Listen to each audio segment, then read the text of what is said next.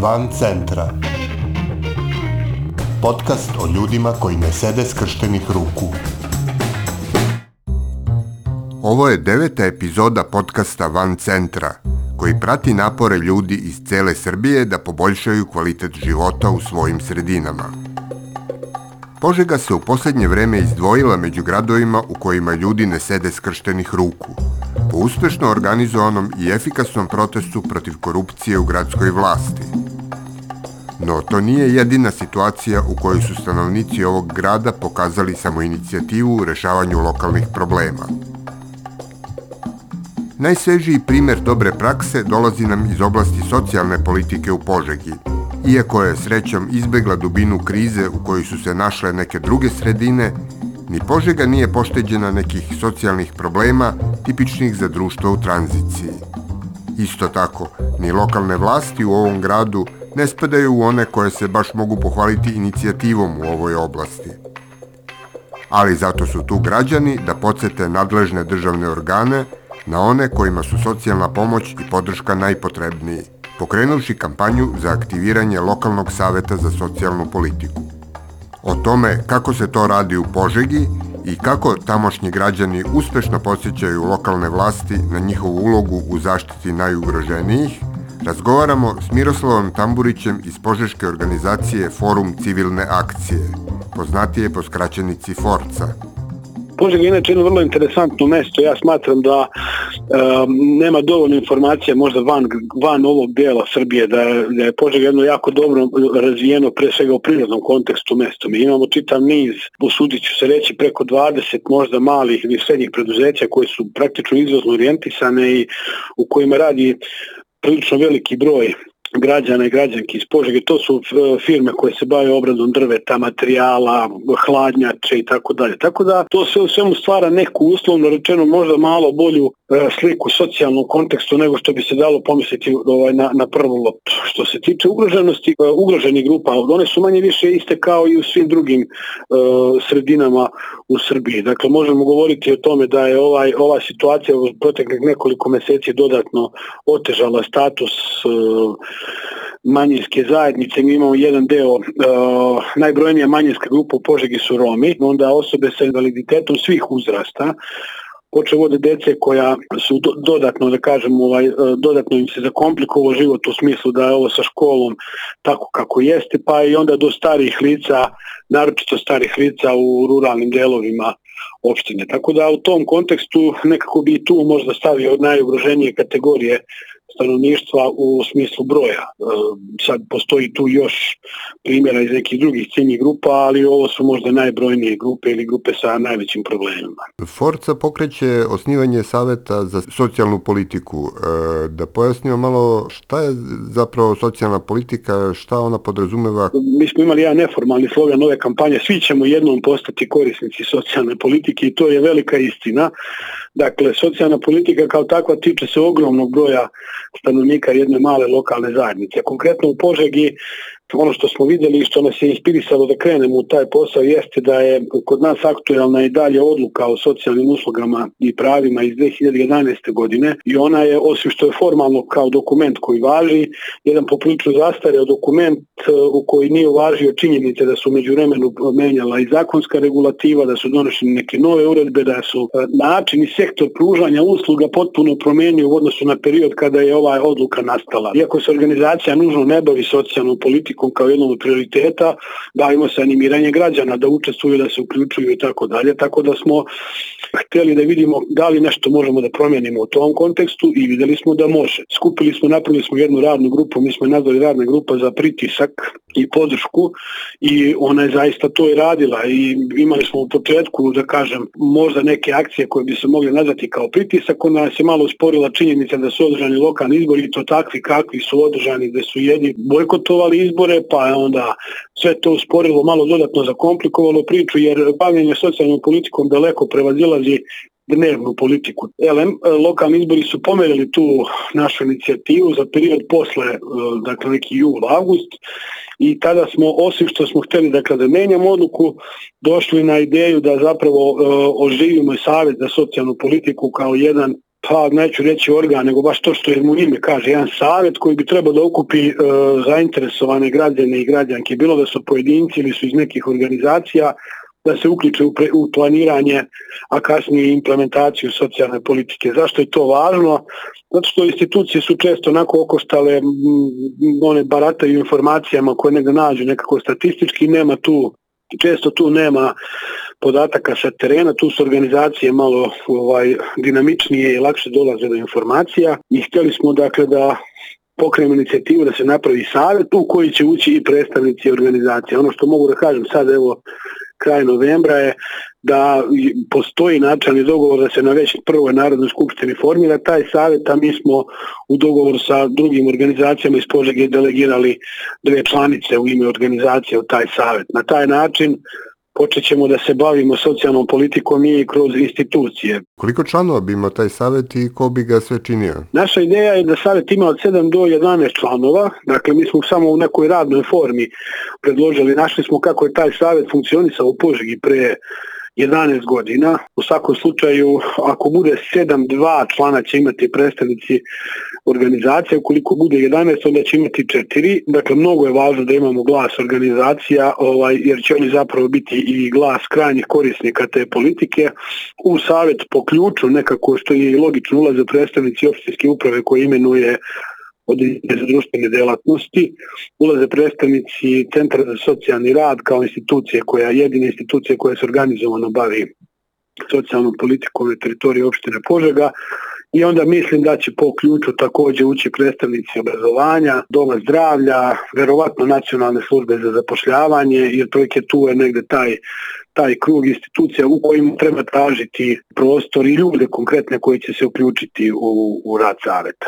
Ako sam dobro shvatio, znači e, nek, nekakvi dogovori su već obavljeni sa predstavnicima lokalne vlasti. Šta su ti dogovori doneli? Kakva je ta komunikacija do sada izgledala? Ja moram da budem potpuno iskren i otvoren da smo mi u ovoj situaciji kucali na otvorena vrata. Dakle, od prvog momenta, tamo negde od maja, juna, aprila, možda čak, pa evo sve do danas, kada god smo ovu temu zapodinuli, mi smo imali sagovornika u lokalnoj samoupravi. Sticajem okolnosti, čovjek s kojim smo razgovarali i pre izbora, ostao je na funkciji i posle ovih izbora i e, mi smo posle lokalnih izbora dijalog sa predstavnicima donosioca odluka proširili i na odeljenje za društvene delatnosti gde su dolazili i načelnik odeljenja za društvene delatnosti i načelnik opštinske uprave. Ovaj savjet je neka vrsta usluge lokalnoj samoupravi, jer ukoliko ja da sam predsednik opštine, ja bih napravio 10 saveta, ali ne bih napravio da oni sad stoje to kao mrtvo slovo na papiru, nego bi ljude koji bi ubacio te savete zvao dva puta mesečno na kafu i pitao, ok, dakle da čujem šta ima, šta, kako, gde, dokle smo stigli, šta možemo da uradimo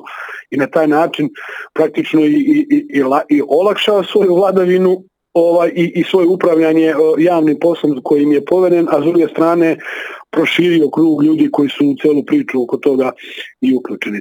Mislim da je to jedna od logika bila ljudi s kojima smo do sad pričali u ovom savjetu vide konstruktivnog saradnika, nadam se barem tako, makar do nekog momenta. E sad kad mi budemo u u situaciju da budemo zbog predloga koje će savjet imati urozili budžet, vidjet ćemo kako će, a budžet je jel te, sve može, samo ne delite budžet, tako da vidjet ćemo kako će to da funkcioniše. Ova inicijativa kao i sve druge građanske inicijative koje treba po meni nekako da, da ožive i da se izmaknu iz konteksta dnevne politike, a možda upravo i zbog dnevne politike, treba da koriste one mogućnosti koje nam je otvorio pre svega zakon o planskom sistemu. To je ozbiljna alatka, bojim se da ljudi ne znaju puno o tome, a, a mislim da recimo o tome treba puno pričati i, i, i taj alat treba koristiti.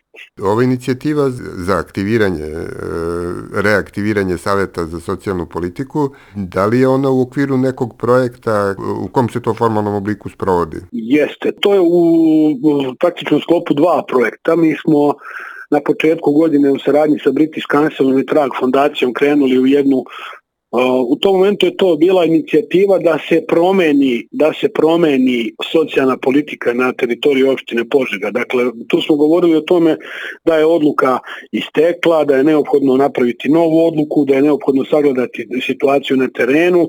Taj projekat trajao četiri meseca i njegovi dometi su bili realno takvi da samo malo dignemo pažnju na tu temu i da da zainteresujemo s jedne strane donosioce odluka, s druge strane građane za ovu temu i to je zapravo bio početak. Onda se priča nastavila kroz program Aktivni građani i bolje društvo i kampanju javnog zagovaranja za usvajanje odluke i formiranje saveta koju smo realizovali uz podršku i u saradnji sa Beogradskom otvorenom školom. To je taj njihov veliki projekat Aktivni građani za bolje društvo koje podržavaju USAID i GIZ, tako da u tom kontekstu kampanja je, je, je realizovana u sklopu ova dva projekta. Pretpostavljam da su na partneri na lokalnom nivou organizacije koje okupljaju korisnike tih usluga. Da, da.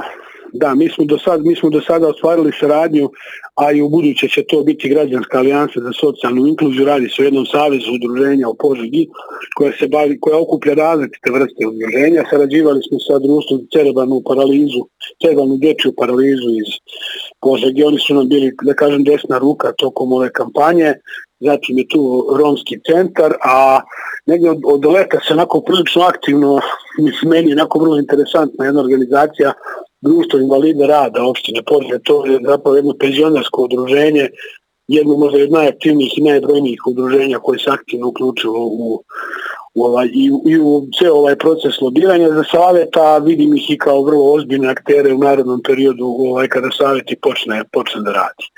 Kažem ponovo, kažem mi ćemo da se vratim samo moment na, na onaj zaključak kod malo prede da zakona o planskom sistemu, jedan od ozbiljnih alata koje planiramo da koristimo i mi mislim da je vreme za promenu pristupa situacija u društvu generalno nije dobra i nekako ja imam utisak da, da, da ja lično sam se više umorio i od kukanja i od konstatacija ne valja ovo, ne valja ovo, ne valja ovo jasno je da se neke stvari neće promeniti tek tako, da promene moraju da krenu sa nekog uslovno rečeno najnižeg nivoa iz malih nekih lokalnih zajednica i dakle to je jedna konstatacija, druga konstatacija mi imamo zakonski okvir koji se ne koristi dovoljno. Kakva je situacija sa aktivizmom u lokalnoj zajednici u Požegi? Koje su to inicijative koje su uspele, ko su ljudi koji su ih pokrenuli? Ja sam bio malo začuđen da, da, da, da kako uopšte moguće da postoje slučajevi kao što je bila priča Marije Lukić u Brusu recimo gde niko nije reagovao, da postoje onako jasni dokazi nekih zloupotreba javne funkcije i da ne, apsolutno nikakve reakcije nema. I onda se eto sticajem okolnosti desilo da u gradu u kome ja živim, da, e, mislim pitanje bio februar 2018. godine, u javnosti stigla jedna odluka o otkupu jednog nelegalnog objekta koji je u vlasništvu tadašnje, e, supruga tadašnje predsjednice Skupštine opštine Požega i nekako je prilično lagano ta odluka o ulasku taj posao prošla na Skupštinu i onda su neki ljudi reagovali ovdje u Požegi, počela su neka dopisivanja na Facebooku kao ljudi da li ćemo ovo gledati, hoćemo, nećemo, Eh, skepticizam, ja sam bio među, ljudi, među onima koji su bili ključno skeptični da je moguće nešto raditi, e, ostalo je onda istorija. Požega je godinu i po dana pre Beograda krenula u proteste i mi smo ovdje u nekim, bilo je, ja mislim, nekih 10-12 protesta možda ukupno u tom kontekstu. Najmasovnije ima recimo 700-800 ljudi na minus 15 u februaru u Požegi, toliki broj ljudi, verujte da je to ozbiljan uspeh i kasnije je to prouzrokovalo smenu lokalne vlasti. Predsednik opštine, predsednica skupštine, načelnik opštinske uprave, a nešto kasnije i direktor razvojne agencije Požega, svi su e, osim što su smenjeni, oni su svi i privedeni, oni su, ja mislim da je dalje u toku istražni proces. U to vreme pojavila se jedna autentična građanska neposlušnost, da kažem, u Požegi, koja je kasnije iznedrila i jednu organizaciju koja se zove Inicijativa za Požegu, koja je u to vreme ovaj probudila, da kažem, i neki bunt građanski i uopšte probudila nadu da je moguće nešto raditi. E, upravo sam na njih i mislio kad sam rekao da treba biti uporan. Forca je jedna od najstarijih organizacija i najaktivnijih ne samo u Požegi nego u čitavoj Srbiji. E, šta još Forca radi i čime se trenutno bavi? Jedinstveni zaključak svih nas koji smo sada tu jeste da smo u pravu bili kada smo rekli da je naša vizija razvijena zajednica aktivnih građana. Tokom tih 20 godina prolazili smo kroz razne faze,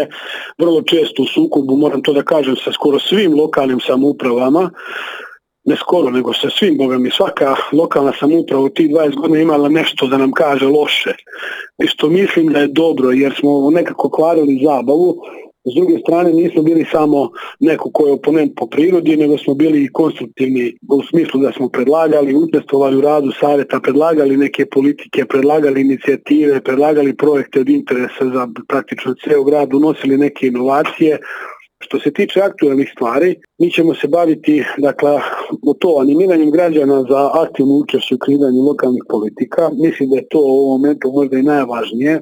Planiramo da učestvujemo u kreiranju lokalnih planova razvoja, da predlažemo i sugerišemo neke lokalne politike za koje imamo ekspertizu ili za koje imamo saradnike koji to mogu da urade. Pa sad da će to biti samo socijalna politika neće. Radit ćemo na predlozima unapređenja politike za mlade, jer je to ciljni grupa kojom se bavimo. Mi više odavno nismo mladi, ali radimo za mlade. To je večita inspiracija i mislim da ćemo se zainteresovati dodatno za politiku zaštite životne sredine, jer i tu imam neki loš osjećaj e, konkretno opština Požega je ranije dala neke saglasnosti za izgradnju mini hidroelektrana, a onda su negde tokom leta ove godine e, doneli neki moratorijum na tu odluku. Dakle, odluka i dalje važi, ali je ovaj, kao evo nećemo, ali nije izglasano ovaj poništavanje odluke. Tako da mislim da će i u tom kontekstu biti prostora, jer Požega ima jednu veliku specifičnost, a to su četiri reke. Mi lež, ležimo na četiri reke, Skrapež, Đetinja, Zapadna Morava i Kamenica i to je jedno veliko blago, a znam da ima planova da se tu nešto radi, tako da ćemo biti neka vrsta i čuvara životne sredine. Eto, mislim, izdvojio bi te tri stvari možda kao fokus Koliko je bolelo ovih 20 godina i na, na šta ste najviše ponosni od onog što ste postigli? Ja sam pre svega ponosan na činjenicu da evo mi 20 godina živimo u gradu u, u kome nas svi znaju, u kome ljudi osjećaju da mogu sa nama da podele neku svoju muku, predlog ili ideju i to mi je nekako najbolji pokazatelj da da su prošla ona vremena. Možete zamisliti kad živite u malom gradu kroz kakve sve prođe te trače, pa čak i taj bivši predsjednik opštine i meni lično pretio na televiziji ovaj, i sad u malom gradu gde vam se deca šetaju, pa onda imate i tu neku vrstu straha kako će sve to da se reflektuje. Nije ugodno bilo, ali sam, kažem, posebno ponosan na to da, eto, recimo u to vreme sukoba s tadašnjom lokalnom samoupravom, ogroman broj ljudi nam se javljao, pružao, pružao svaku vrstu podrške i bio spreman da se uključi u nešu, neku našu borbu za sve te stvari. Mislim da je isto jako važno što smo uspeli da sve one nametnute predrasude i pogrešne mišljenja o udruženjima u praksi demantujemo. Dakle, niti smo strani plaćenici, niti smo domaći izdajnici, ljudi u nama prepoznaju neki lokal patriotizam i ja moram da kažem da sam srećan zbog toga, zato što to u stvari i jeste tako. Bila je ovo epizoda Van Centra za 1. decembar 2020. godine. Nove priče o ljudima koji ne sede skrštenih ruku donosimo vam u petak 4. decembra. A umeđu vremenu, pridržavajte se mera zaštite od koronavirusa, čuvajte svoj i tuđe živote i ne ćutite pred glupošću i nepravdom. Van Centra je autorski podcast koji se realizuje uz podršku građanskih inicijativa – Stavovi izneti u emisiji nisu nužno stavovi redakcije podcasta Van Centra, niti Udruženja građanske inicijative. Redakcija Tara Petrović, Miodrag Mrkšić i Aleksandar Gubaš. Urednik i voditelj Aleksandar Gubaš. Muzika i Logical Beat i Ben Sound.